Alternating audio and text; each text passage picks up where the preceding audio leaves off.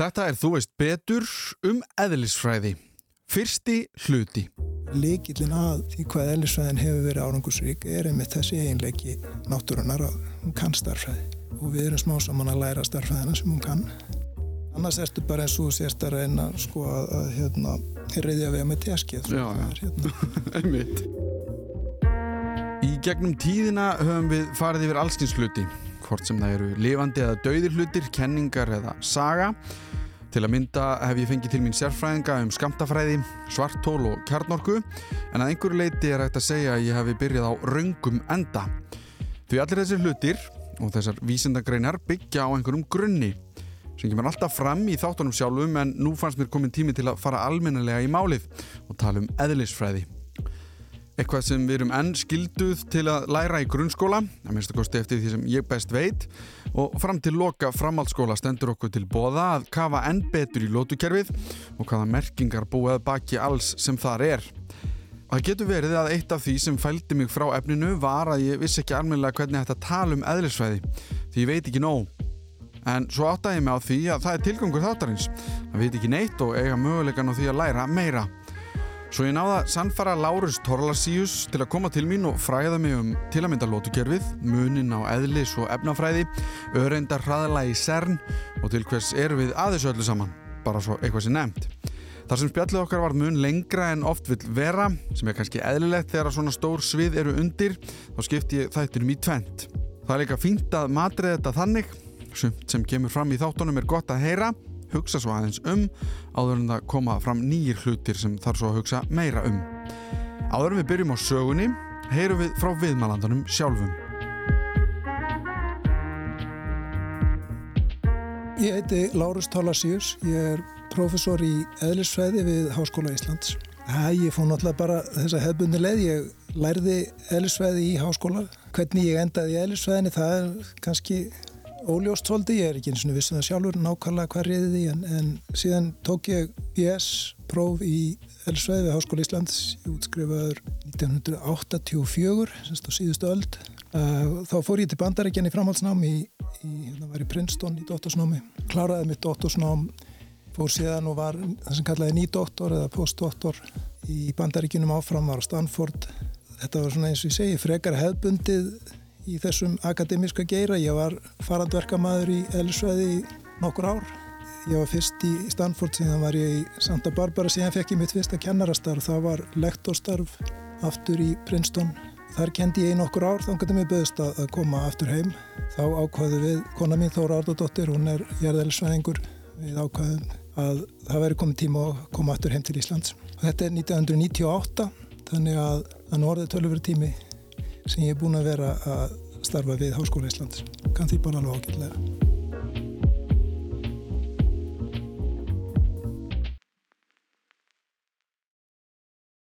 Eðlisfræði fjallar um, í annars vegar úr hverju er efnið og hins vegar og eð, svona, innra eðli efnisins og síðan ekki síður um það hvernig hefur efni áhrif á umhverfið sitt, hvernig hefur, hvernig hefur eitt efni á áhrif og annað efni og, og, og, og slíkt.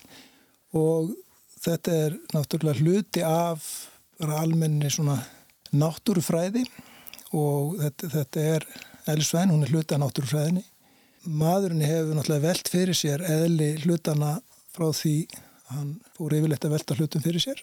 Þannig að það er ekki í rauninni hægt að tala um neitt fyrsta eðlisfræðing en svona svo eðlisfræði sem við byggjum á í dag, hún á nú rætu sínar til Ford Grekja eins og Martana eins og Martana þar komu fram hugmyndir sem sumar rendar eru en þá hafa haldi gildu sínu. Þetta er nú mest mikið af heimsmynd Ford Grekja hefur nú þurft að endur skoða í, þetta er löngsaga orðin. En eðlisvæði eins og hann er stundið í dag sem eru þessi vísindi byggð á tilraunum byggð á, á nákvæmum aðtugunum og sem eru síðan niðurstöðu þeir eru tólkaður út frá kenningum þetta er afsprengi ekki upplýsingarinnar, myndum við segja. Þannig það eru nú nokkur hundruð ár mhm. sem mm -hmm. þetta hefur verið stund á með afbörða góðum árangri. Það er eiginlega með ólíkindum hvað þessi nálgun á að reyna að skilja heiminn. Þetta getur maður ekkert skilið allt með þessari nálgun, en hún hefur skilað okkur, eða mannkininu, alveg ótrúlega miklu. Og hver var byrjunin, að þú, að þú segir fyrir nokkur hundruð árum, að því að við munum koma að lótukerfinu einhvern tíman í, í umræðinni en þessi efni, þessi fyrsti aðili sem að setur fram einhverja kenningu eða skrifar niður hjá sér eða eitthvað slíkt, vitum við eitthvað meira um það?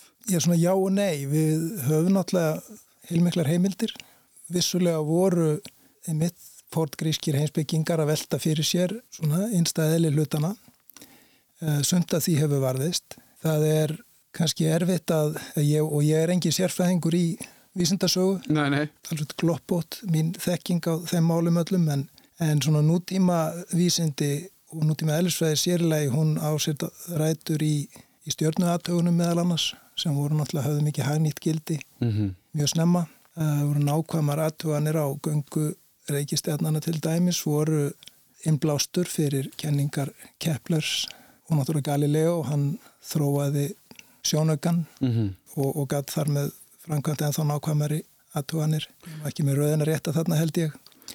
E, síðan svo hliða elisvæðin sem ég fæst aðalega við sem er svona meira fræðin, að þar horfum við mikið tilbaka til Newtons. Hann náttúrulega var ótrúlegur frumkvöðl. Mm -hmm. Og, og virast, ég, það er ekki fyrsta skipti sem hann er nefndur sko. Nei, nei, og það er kannski hvað það hefur haldið gildi sínu, hans fræði. Auðvitað höfum við erum við komin með og erum við að vinna í dag með eðlisfræði sem að Newton hafði enga fórsendu til þess að, að skilja. Það hefur náttúrulega verið framkvæmdar alls konar tilröðinu búið uppgöta innri gerð efnisins, margtum innri gerð efnisins sem að hafði, hann hafði engin tök á að, að, að sjá á sínu tíma. Enga síður þá setti hann fram hugmyndir sínar á fónum lögmála sem að er í rauninni halda fullu gilda því leiti að við getum útskýrt eiginlega alla eðlisfæði svona í daglegu lífi út frá hreyfinga lögmáli Newtons, mm -hmm. frá þingda lögmáli Newtons og hann hefði líka tölverðarskilning á ljósi og, og því sem í dag við kallum rafsögufræði þó hún hefði nú komið, kannski komið mestu leiti setna þessi teng, tengslamöllir afmaks og segumaks þau voru eitthvað eftir hans dag mm -hmm. þannig að svona á 17. öld var, var þetta komið í fullan gang þessi þróun mm -hmm. sem við erum að og heldur áfram á fullu í dag við erum stöðut auðvitað nýja hluti En að því að þú nefndir Kepler og stjórnunar það kannski leiðir að því að því að fyrir mörg og fyrir mig þá náttúrulega kannski hugsa ég um stjórnufræði þegar að, að þú segir það og, og eins og þegar hann Helgi Már var að tala um svartólinn og við tölum um Kepler til dæmis þá það kannski alltaf flókið að festa eðlisfræði sem eitthvað eitt af því að fyrir mér verður þetta vera alltaf svona undirstaðan í mörgu öðru sem hefur komið síðan eftir á sem kannski síðan aðgreinir sig frá eðlisfræði. Það, og hún er ekki kölluð eðlisfræði, hún er komin út í einmitt stjörnufræði eða hvað annað sko sem það. Já, Stjörnufræðin hefur nú kannski þá sérstöðu, hún er sannlega ennþá eldri heldur en eðlisfræðin. En, en þetta er visslega rétt sem þú segir að það eru eðlisfræðin hún snerti mjög marga greinar. Og það er vegna þess að ef við skilgrunum eiginlega eðlisfræði sem er, það er fræðigrein sem snýr að gerð efnisins því hvernig efnið er sett saman og hvernig það hefur áhrif hvað á annað. Með tíð og tíma að þá eru spurningarna sem að þeir sem vilja stunda það sem kannski kallu grundvallar eðlisfræði þær breytast. Eftir því sem við getum svarað spurningum um eðli efnisins þá vakna nýjar. Mm -hmm. En það sita eftir oft uh, hagnýtingar á þessum grundvallar svörunum við þessum grundvallar spurningum sem að, að þróast áfram og verða í rauninni sína einn fagsvið alveg. Mm -hmm. Þannig að það er ein hlið á þessu og svo er önnur hlið er að lögmálinn sem eru sem að gangverk elsvæðina lítur. Þetta eru náttúrulega lögmál náttúrunar þannig og þau eru líka að verki í okkur sjálfun til dæmis. Þannig að líffræði fjallar um lífverur mm -hmm. en auðvitað eru lögmálinn sem þessar lífverur lúta, þær eru uh, í grunninn á tengjast en alltaf því sem við erum að gera í eðlisfræði. En eðlisfræði hún spilar inn í auðvitað náttúrulega lífvísindi svo miklu meira heldur en bara að velta fyrir sig hvernig grunn einingarnir eru að hafa áhrif hver og aðra. Levandi kerfi eru náttúrulega óhemmi flókin og, og, og, og margt nýtt sem að þarf að henda reyður á þar sem að, sem að eðlisfræðin á fásför við. En það breyti því ekki að þetta er allt saman mjög, mjög tengt. Mm -hmm. Efnafræðingur sem er að vinna á tilunastofu, hann er náttúrulega að vinna með ferli sem að fara fram eftir grundvallar lögmálum eðlisfræðinar. Mm -hmm. Þó að í dælu svona í sinni, sinni daglegu síslumyndan segja hann væri að fást við efnafræði mm -hmm. Þá myndum við eðlisfræðinga gera tilkall til þess að segja að hann sé nú reynda líka fást við, við, við eðlisfræði. Já. Þannig að það eru þessar tengingar og svo eru svo aftur aðra greinar eins og til dæmis jarðeðlisfræði sem er í rauninni beinlínis fræðigrein þar sem við notum aðferðir eðlisfræðinar sértækt til þess að skilja tiltekið viðfáðsennum sem er jörðin og, og hennarheðun. Mm -hmm. En ef við segjum þá þarna 1700, hvað gerist síðan, af því ég til og meins mín spurningar til dæmis hvernig lótukerfið er einhvern veginn komið fram, af því að það er held ég það sem við tengjum öll við, af því að við erum öll búin að sjá það einhvern tíman í skóla. Þó þau munum kannski ekki alveg hvað er hvar. Það kom tölverð setna mm -hmm. um, en aftur ég nú ekki fullir að nákvæmlega hvenar, hvenar það var sett fram auðvitað átt þekktu menn mismunandi frumend mjög snemma en, en þessi kerfisbundna framsetning í mm. lótukerfinu hún er nú ekkit svo gömul hún er, já þó þetta er giskamyndin og haldum væri svona fyrir hluta 19. aldar Já það er ekki fyrr Já, hennu getur vel verið að... Eða sko, ég, ég bara einhvern veginn gerir ráð fyrir að hún væri bara mörg hundru ára gömul, einhvern veginn. Nei, því að hún er í rauninni svona eiginlega koronan á mikið, það er svona, já, endan húturinn á, á, á mjög langri þróun. Mm -hmm. Það er mjög margt sem að, að, að liggur til grundvallar lótkerfunu og fólk var búið að svona átta sig á hegðun efna svona almennt fólk var búið að átta sig á mismunandi fösum efnisins að það veri gasfassi og, og vögvar og, og síðan föst efni mismunandi eiginleika fastra efna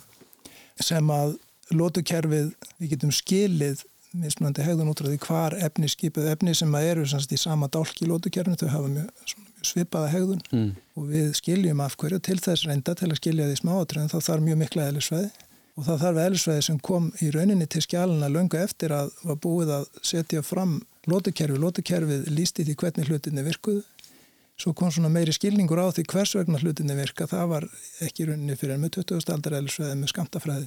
Við þurfum til að átt okkur á því hvers vegna rafindir hegða sér eins og þær, þær gera þegar þær eru komnar í samband við mismunandi kjarnar. Mm -hmm. En er einhver aðli sem er kreditaður fyrir lótukerfinu sem ber ábyrða á þessu alls sem setur fram þetta herðu, þetta er kerfi, þetta eru þau efni sem við þekkjum og þetta eru, er þetta ekki er, ekki, er lótukerfi ekki bara það er ekki fleiri efni Minnst í lótukerfinu eru við með öll efni sem eru stöðug, það er nú alveg hægt að hugsa sér efni og það er endar svona út á jöðrum og neðan til í lótukerfinu eru efni sem að hafa verið búin til á tilrunastofum og hafa átt sér kannski frekar sem þeirra mjög stutt æfi mm -hmm. áður en þau hverfa aftur út á geslaverkni. Það er síðan vangaveltur hvort það gætu verið til stöðugir kjarnar eða, eða svona, minnst ekki mjög óstöðugir sem er með talsvett svona þess herri massatölu heldur en hefur sérst. En það er ekkit sem hefur verið, verið hef, skoruð úrum. Mm -hmm. Það er bara einn ein af mjög mörgum áhugaverða spurningum.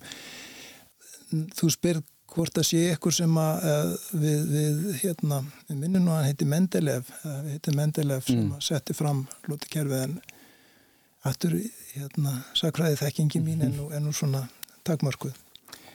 En auðvitað var, var það aftur að byggði á vinnu mjög margra mm -hmm. þar og undan og það eru margar svona undigreinar í elsveðinni sem að hafa þróast í gegnum tíðina mjög mikilvæg undirgrein í dag er það sem við kallum efnisfræði eða material science svona hagnýtingar í nútíma eðlisfræði eru gerðnan á því sviði mm. Eh, síðan eru við með það sem ég kalla lífræna eðlisfræði eða biophysics, það sem er verið að beita eðlisfræðinni til að reyna að skilja gangverk í, í mörgum svona kerfum í, í lífræðinni stórum og smáum. Mm. Svo er náttúrulega eðlis efnafræði sem er svona mörgum eðlisfræði og efnafræði En hver er, til dæmis, ef við tökum bara það, eðlisfræði og efnafræði, hver er munurinn þar á? Já, eðlisfræði náttúrulega fæst við hluti sem að efnafræðingar er ekki að fást við sem eru innri gerð kjarnans til dæmis. Telsnöld er eða ekki talað um sem efnafræði. Það, er, það segjum við að sé inn á, á sér sviði. Eðlisfræðin er eðlisfræðin fæst við að við og svo að þú ferði inn, inn í kjarnan þá ertu komin inn í örendinnar mm -hmm. og örendafræði er, er viðfánsefnið eðlisfræðinar og þingdaraflið er við, við, viðfangsefni eðlisfræðina meira heldur en efnafræðinar mm -hmm. Þannig að efnafræðin kannski fer ekki jafn, hvað var að segja, langt ja, inn, í, inn í efnið eða hlutin hún, fer, hún er meira í því að, að spyrja hvernig bindast frumefnin saman í mismunandi efnasambönd mm -hmm. og byggja ofan á það og, og skoða hegðun mismunandi efnasamband og kannski í dag er alltaf þekkið við mjög flóknar sammyndir sem við erum að reyna að skilja og, og náttúrulega aftur tengist það inn á, inn á hérna, lífræðina, það eru prótein og aðrar stóra sammyndir sem eru líkilinn í, í gangverkin inn í okkur sjálfum sem mm -hmm. eru áhugaverðar en það er náttúrulega efnafræðin er risa stórt fag því það er líka verið að velta fyrir sér hegðun efna í alls konar yðnaði mm -hmm. og svo er fullt af eins og í, í flestum vísindum er náttúrulega stór geiri snýst bara um að velta fyrir sér hvernig efni hegða sér einfallega vegna þess að mann hafa áhugaði að vita hvernig efni hegða sér Já.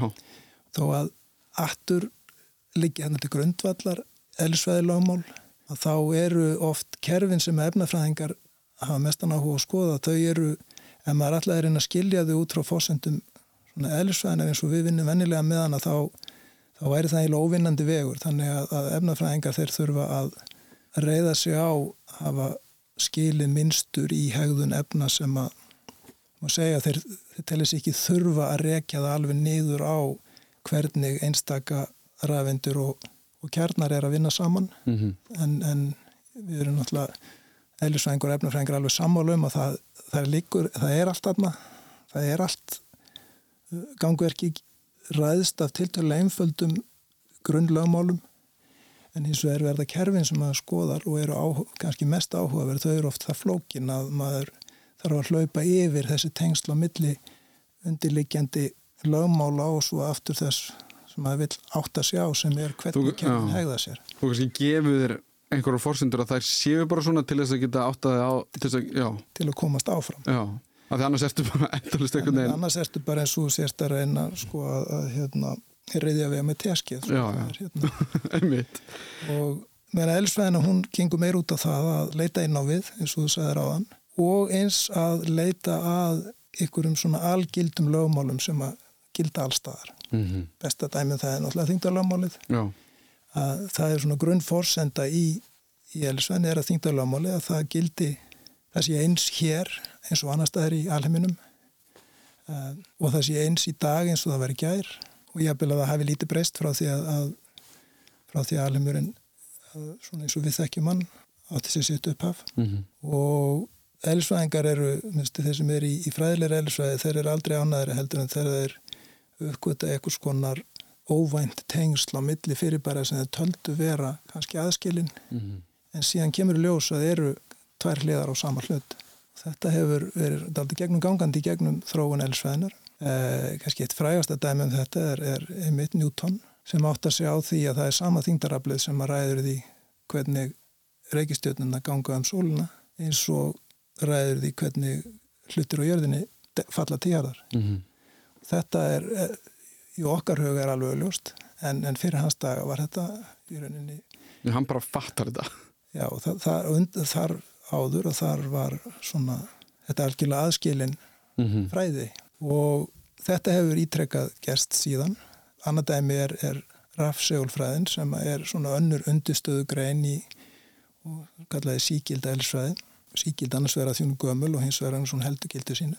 Þar eru við búin að setja í eitt orð rafmagn og segulmagn og það er vegna þess að á 19. öld að þá uppgötuðu menn í gegnum tilraunir og atvanir og svo fræði, fræðistörf að, að það er í rauninni ekki hægt að tala um rafmagn á þess að tala um segulmagn líka og þetta var, segja, þetta náði hámarki í, í kenningu Einstein sem takmarku afstæðiskenninguna. Mm. Hún er nefnilega greinin sem Einstein skrifaði, hún heitir, ef ég mann rétt, svona í íslensku þýðingu, heitir hún um rafsögulfræði hluta á hreyfingu og við náttúrulega í dag tengjum takmörku afstæðiskenninguna oftast við hluti sem eru að fannir að hreyfast fyrir hattir, nálgast ljórsraðan og alls konar svona svolítið skrítin hegðun finnst okkur mm -hmm. sem tengist því en er eitt af því sem að, að vakti fyrir Einstein með, með þessari kenningu var að sig, var að skilja hvað svona ljósaðin var alltaf svo sami mm -hmm. alveg áhuga því hvaða átt við vorum að, að láta ljósið fara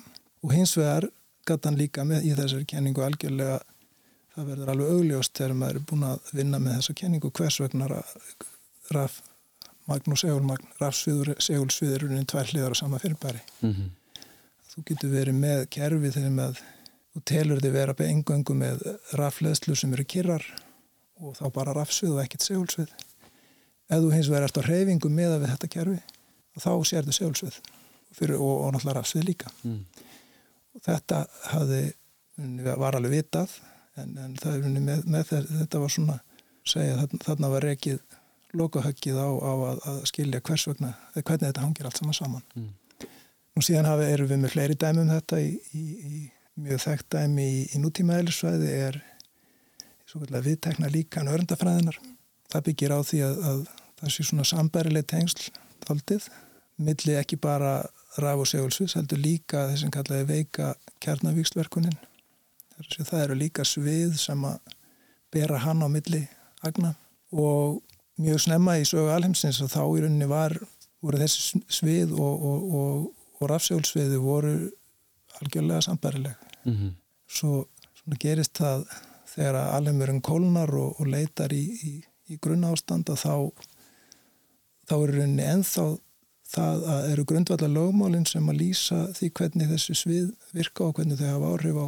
Þau eru þau svömmu áfram en eins og það er, er kerfið komið í, í ástand þar sem að við skinnjum annað sem þetta rafsjólsvið sem er, er, er og bylgjur í því eru ljósbylgjurna sem við sjáum meðan að hitt sviðið að það eru þessu veikavíkstverkun og hún er í rauninni hefur engin áhrif nema mjög, mjög stuttar vegalendur svo stuttar að það er rauninni bara inn á milli það agninda þurfa að vera lokaðir inn í kjarna mm -hmm. hver með annari til að til að, að við sjáum ykkur áhrif að, að þeim í tilhörnum og það kostiði heilmikla tilruna vinnu og, og, og fræða vinnu fram eftir fyrir hluta og, og langt fram eftir 20. stöldinni til að koma þessu öllu heim og saman en í þessu viðtegna líkani þá er rauninni talað um það sem kallaði rafveika kenningin hún er hluta þessu viðtegna líkani mm. sem er of mjög gott líkan að því, því leiti að frá því að það var fyrst sett fram fyrir 50 árum síðan að þá höfum við rauninni ekki rekist á neinn fyrirbæri í örundaheiminu sem að þetta líkanir getur ekki útskýrt. Já, einmitt. Það er eiginlega svo, virkar svo vel að þetta er orðið halgirt vandamála að, að hérna, það er verið að byggja í trekka rándýrar rándýra agnarhraðla og, og, og, og agnanemas til þess að, að leita örlitlum frávikum frá þessu líkani sem, að, sem að, enn sem komið er hafa það er kannski fyrst núna sem er eitthvað aðeins og örla á að við sjöum að sjá eitthvað sem að þetta, þetta gamla líkan í rauninni mm -hmm. okkur, þetta er líkan sem hefur komið fram og voruð fullt þróa til dæmis áður en ég hóf minn feril og var í rauninni örglega eitt af því sem að var til þess að ég lagði fyrir meðlisvæði var einmitt að lesa greinar í Scientific American um þetta þessar hugmyndir um það hvernig, hvernig hérna, örendinnar væri allar, væri þetta að lýsa þeim öllum í í einu líkan og, og svo svona þegar ég var mættur, mættur á svæði til þess að taka þátt í þessu öll saman þá, þá var þetta bara búið.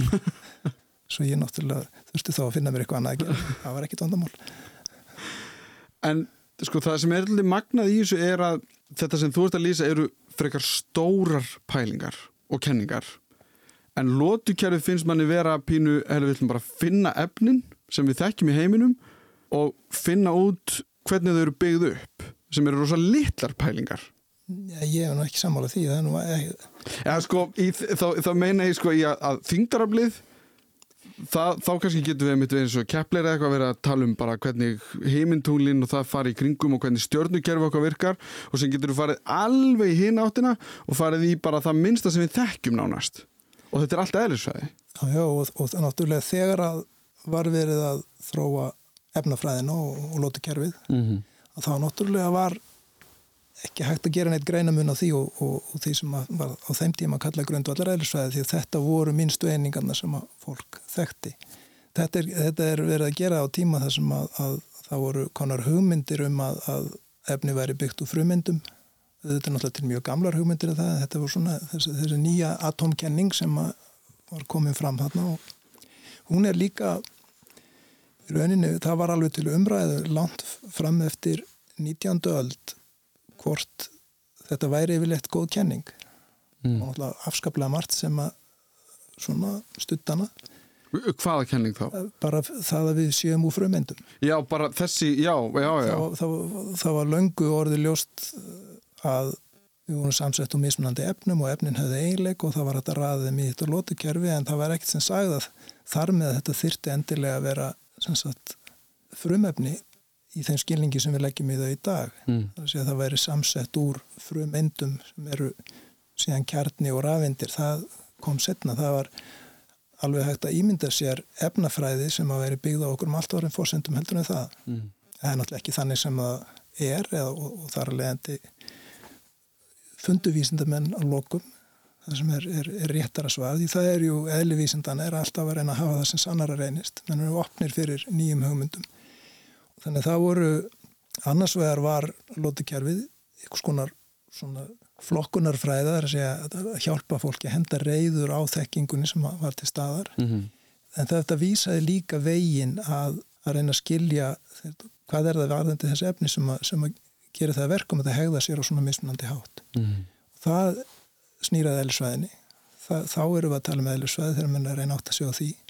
Og það tóst mjög vel svona hann í indilók 19. aldar. Og um svipa leiti og það var, tókst reynda svo vel að, að það voru mörgum sem fannst að þetta væri nú svona það, það væri verið bara svona reyka lokan hútin á, á þetta allt saman. Við varum bara búin. Reka, Fyrir ekki að binda lokan enda hútin á þetta allt saman. Já, Já ég held að reyndar engir kannski eh, sem voru virkir í vísindum hefði verið að halda svo leiðis fram en það var náttúrulega alveg ljóst á og það voru alls konar spurningar sem var, var menn höfðu engin svörfið En þó, þá hefði kannski verið að ímyndi sér að það væri bara rauninni spurning þá um að, að skilja svolítið betur það sem við erum að vinna með en, en akkurat um þetta leiti þá fór að koma fram nýfyrirbæri sem voru greinleik og allt annað sem var í gangi og það var, var geislaverknin.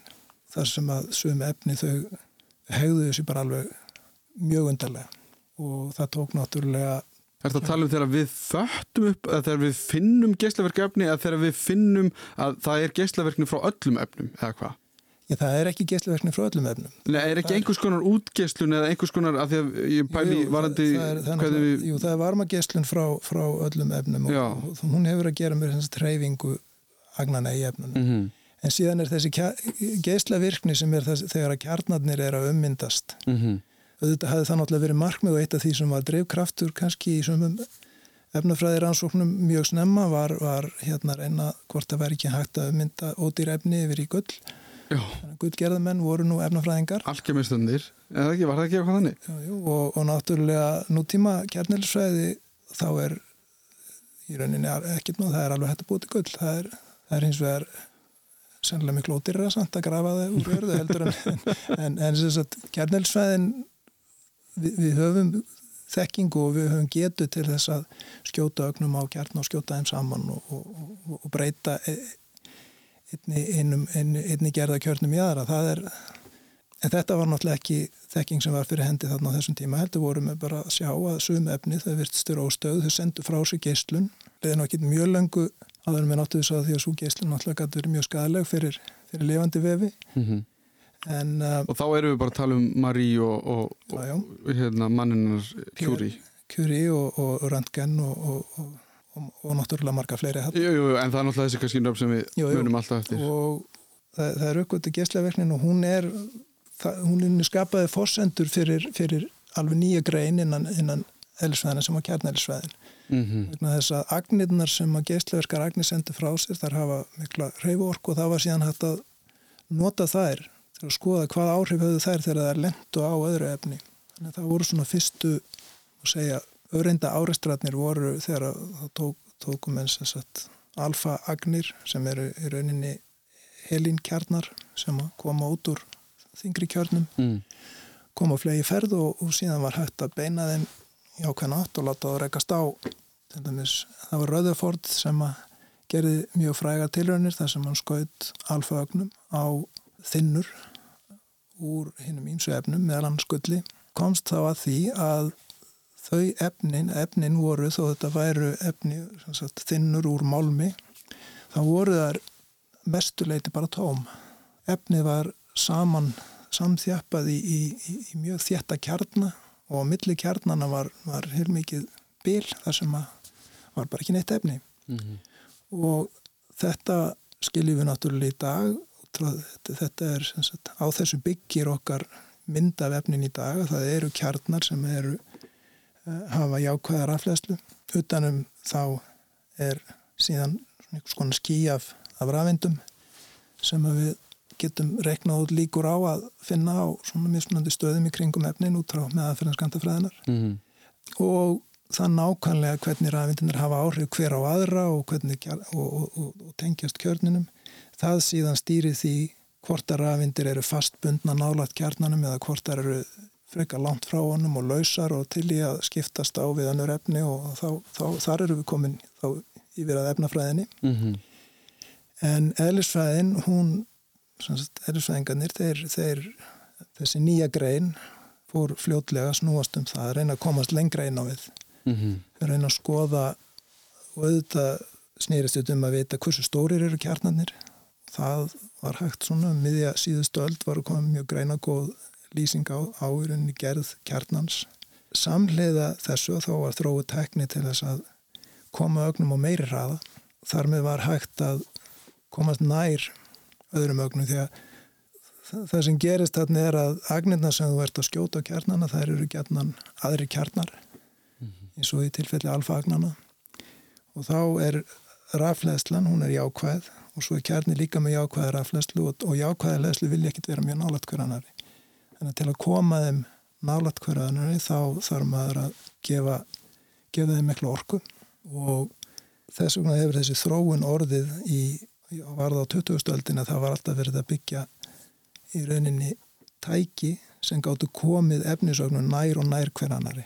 Það helst í hendur, þannig að þetta er grundallir eiginleik í skantafræðinni að ef þú vilt skoða kerfi sem að hafa mjög, eru mjög lítill þá þartu að hafa það sem kallaði greini gæði í tilvöninni sem að svara til þess. Ef þú vilt skoða hluti sem að eru segjum millimetri þá það að hafa mælitæki sem eru hafa það sem getur greint í sundur hluti sem að kannski ná nýra á brotumillimetra. Ef þú vilt síðan fara lengra nýra á mikrometra að þá getur ekki lengur nota reglustykku því að reglustykkan og hún strikkin á henni það er miklu meiri heldur en mikrometri þar á milli. Fólk notar smásjár til dæmis, mm -hmm. það, það eru ljósbylgjur. Ljósbylgjur hafa síðan sína bylgjulengd og að þú reynir að skoða hluti með ljósbylgjur sem er minni heldur en bylgjulengdin á ljósinu og þá virkar það ekki, þú getur ekki þá talað um greinigæði, þú getur ekki fengið skarpari fókus í smósi á heldur en sem nefnur mm. bilgilengdini sem þú ert að vinna með og þá leitar það ykkur sem hefur minni bilgilengd og þar kemur skantafræðin til skjálana vegna þess að hún segir okkur að efni eins og við, það er líka bilgjur og agnir sem að hafa eins og til dæmis rafendir, það er, svona, það er hegðað sér undir vissum kringustæðum, er hafa bilgjuhegðun er, og þetta er bara eitt af því sem er svona svolítið erfitt að, að svona sjá fyrir sér. Þetta er, þetta er öðruvísi heldur en hlutir í okkar daglega lífi. En agnir þar hegða sér eftir því hvaða tilhörnir maður er að skoða. Þar hegða sér stundum eins og bylgjur og stundum hegða sér eins og, eins og agnir. Stundum getur maður að tala þér stundum hins vegar að þá, þá rekast það saman og, og, og það verður eitthvað skonar, skonar ölduvíksl í En er þetta eitthvað sem við sjáum? Eða Ég, hvað, ég, hvað við með, með að sjá sko, við sjáum við sjáum náttúrulega bara með augum sem að, sem að nota ljós.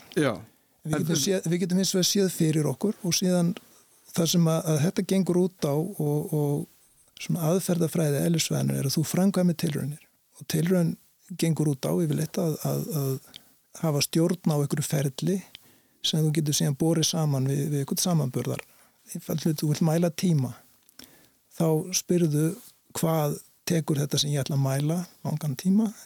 Það er yfirleitt gert með því að bera sama við hversu oft til dæmis fer pendul fram og aftur eða, eða, eða eitthvað atóm. Í dag náttúrulega erum við með atómklökkur þar sem mm -hmm. erum við miklu meiri nákvæmlega það.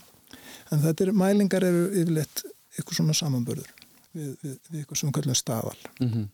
Við viltum vilja vegalengd, þá spyrðu hvað, hvað er vegalengdin miða við eitthvað staðal staðalli sem við notum er, er, er metrin hann er enda líka tengdur við eiginleika ákveðina frumenda í dag við þurfum miklu meiri nákvæðinu núna heldur en og síðan tólku við niðurstöðunar og tráði einhverju sem við köllum líkan mm. það er þá eitthvað svona starfæðileg lýsing á því sem er í gangi og það er ekkert sem er neitt kannski sjálfsvæði hluti fyrirfram að það sé yfirleitt hægt að nota starfæðileg líkon til þess að skilja hvernig hlutinir ganga fyrir sig en það er nú enga síðust aðrend og eitt af mm. því sem að er kannski hefur verið leikillin að því hvað ellisvæðin hefur verið árangusrík er einmitt þessi eiginleiki náttúrunar að hún kann starfæði og við erum smá saman að læra starfæðina sem hún kann og þetta getur við síðan gert eins og þarna þegar menn er að framkvæma þessa tilhörni til þess að skoða minn og minni hluti. Þegar þú ert komið rafindasmási og þá þartu að skilja sem sagt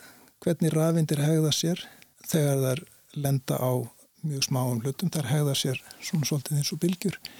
Þær regast á hlutins og, og koma síðan undir ákvæmni líkum undir einhverju mismunandi hótnum og þú mælir þær, spyrir hvað koma margar rafindið hangað og, og hingað og, og svo höfum við ákvæmni reikniðaðferðir úr fræðunum þessi líkon sem við notum sem segja okkur að ef að við fáum dreifingin er þannig að kemur meiri hluti ræfindana kemur undir einu hotni og, og eitthvað annað frekar en ykkur öðru þá getum við álíktað um hvaða var sem það rákust á.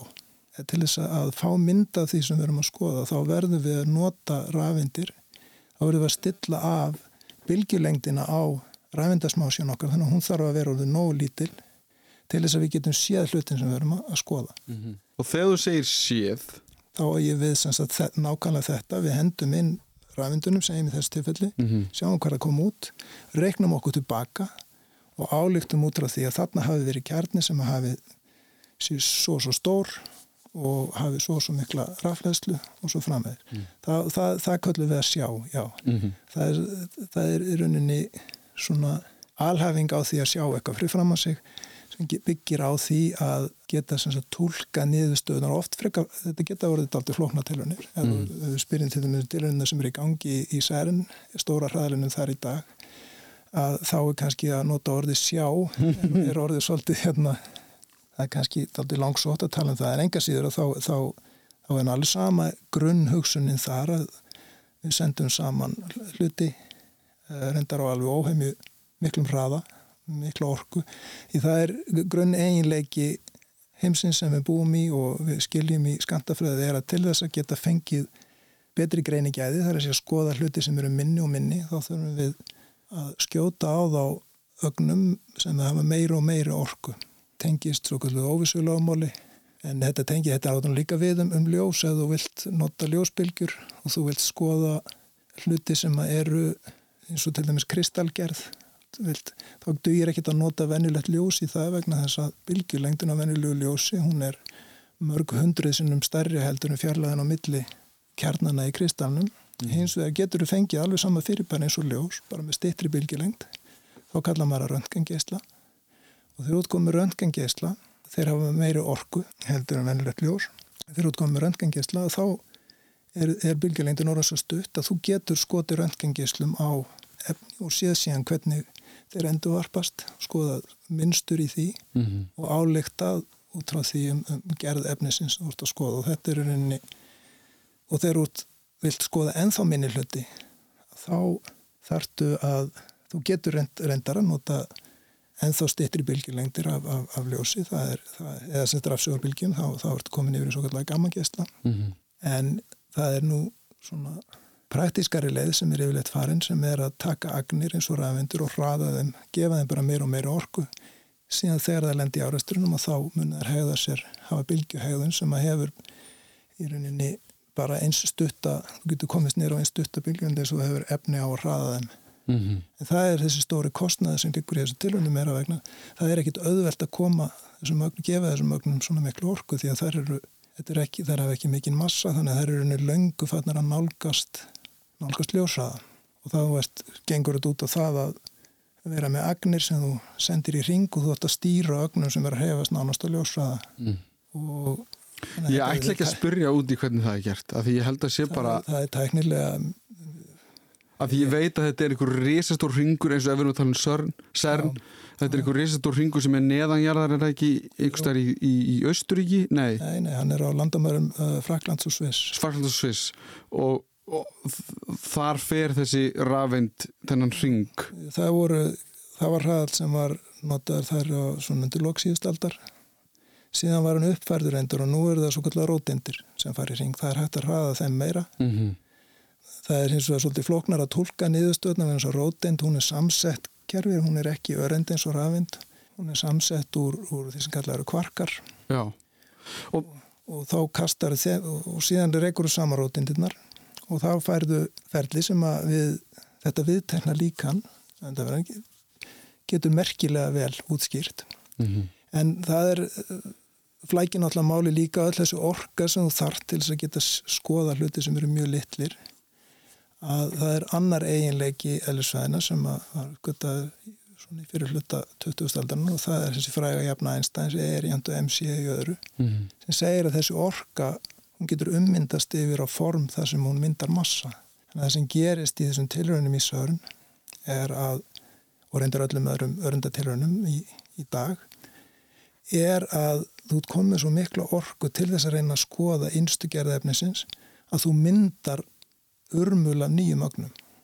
Og það flækir málið því þú þarf tíðan að skilja hva, hvernig mynduðust þær allar og regjaði tilbaka niður í þennan fyrsta áreistur sem verður Á hvað eru rótinnar að rekast? Rekast á hver aðra Já þetta er bara fullt af rótindum sem er að reksta. Fullt af rótindum og þær eru sendar í báðar áttir í hraðlinum mm. og svo á nokkrum mm. stöðum á leðinni þá er geislin, rótinda geislin þannig að þeir eru fókuseraðir þannig að þeir rekist á. Mm -hmm. Þannig að þetta, þar eru við að tala um árastra millirótindir. Reyndar er síðan nokkru sinnum á ári þá er skiptum og þá taka þeir enþá floknar í kerfi þar að þeir taka stóra kjarnar eins og gull eða blí, mm. hraða þeim og skella saman. Nú gerum við hlið á yfirferð okkar um eðlisfræði. Þessi tímapunktur er held ég góður því hann virkar eins og óvendur endir. Cliffhanger eins og væri sagt kannski sjómastáttum. Þar sem þeir eru vonandi spennt að heyra hvað kemur næst. Eitthvað eins og þetta hér. Þessa, þetta er svona smá saman og þá þróaðist þessi fræði í að gefa okkur nýja heimsmynd sem er þetta viðtækna líkan, lögrendafræðinar og í dag vitum við að allt efni sem við sjáum svona dagstaglega það er úr í rauninni bara tveimu gerðum af kvarkum svo kallar það er uppkvarkar og niðurkvarkar. En ég þakka Láruðsi Torlasíus fyrir í byli næst er það framald af eðlisfræðinni. Ég heiti Alli Már Steinarsson og þakka fyrir mig. Þetta var Þú veist betur um eðlisfræði